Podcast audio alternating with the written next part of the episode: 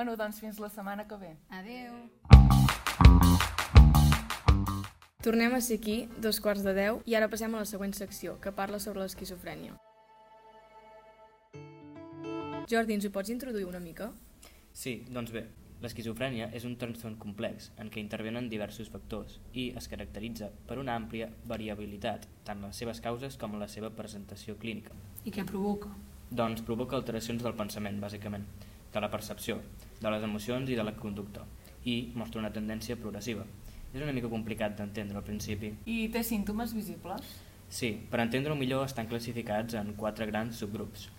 Els símptomes positius, que van des de deliris a al·lucinacions, els negatius, que són la pèrdua de la capacitat dels sentiments, de la falta de motivació i dificultat per expressar-se verbalment, els símptomes afectius, que és bàsicament la depressió, i els cognitius, que són la pèrdua de la capacitat d'atenció, la memòria de treball o les funcions executives.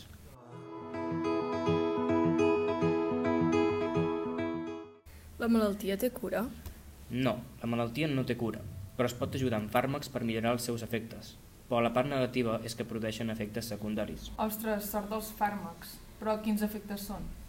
Doncs mira, alguns dels efectes secundaris de la medicació són fins a tremolors, moviments incontrolables de la llengua, llavis, de la cara, respiració ràpida i contraccions musculars, també marejos, augmentació de la salivació, absència de la menstruació, secreció de llet per les mames, somnolència excessiva, augment de pes, alteracions de la funció sexual i tendència a desenvolupar diabetis.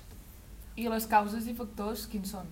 Doncs mira, factors com les complicacions perinatals, infeccions a la infància, maltractament infantil o consum de substàncies tòxiques poden estar relacionats amb la malaltia. La presència d'aquesta malaltia en familiars propers pot posar un increment de risc de patir-la. Si l'ha patit algun familiar del que siguis descendent, és probable que tu la pateixis, oi? Exacte. No ens descuidem de les alteracions. Quines té? Doncs alteracions bioquímiques, alteracions en l'estructura del cervell i alteracions del funcionament del cervell. I genèticament com va la cosa? Com ja en parlàvem abans, el factor genètic s'estima que té un pes del 80% de la malaltia la probabilitat que es presenti un cas d'esquizofrènia en una família és més gran si un altre familiar ja hi està diagnosticat de la malaltia. De fet, les teories més actuals diuen que la presència d'un nombre de gens alterats predisposa a tenir la malaltia. O sigui, igual que les altres malalties mèdiques complexes, com la diabetis, cal més d'un gen alterat per desenvolupar la malaltia, oi? Sí, exacte.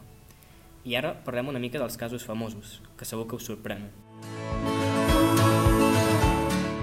Un cas famós és el de Vincent Van Gogh, que es rumorejava que tenia esquizofrènia i s'ha afirmat per varis experts. Va tenir diferents episodis psicòtics que van acabar amb el seu suïcidi als 37 anys. Vaja, qui ho diria?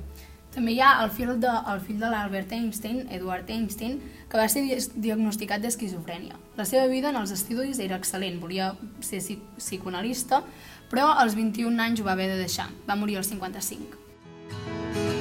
And we all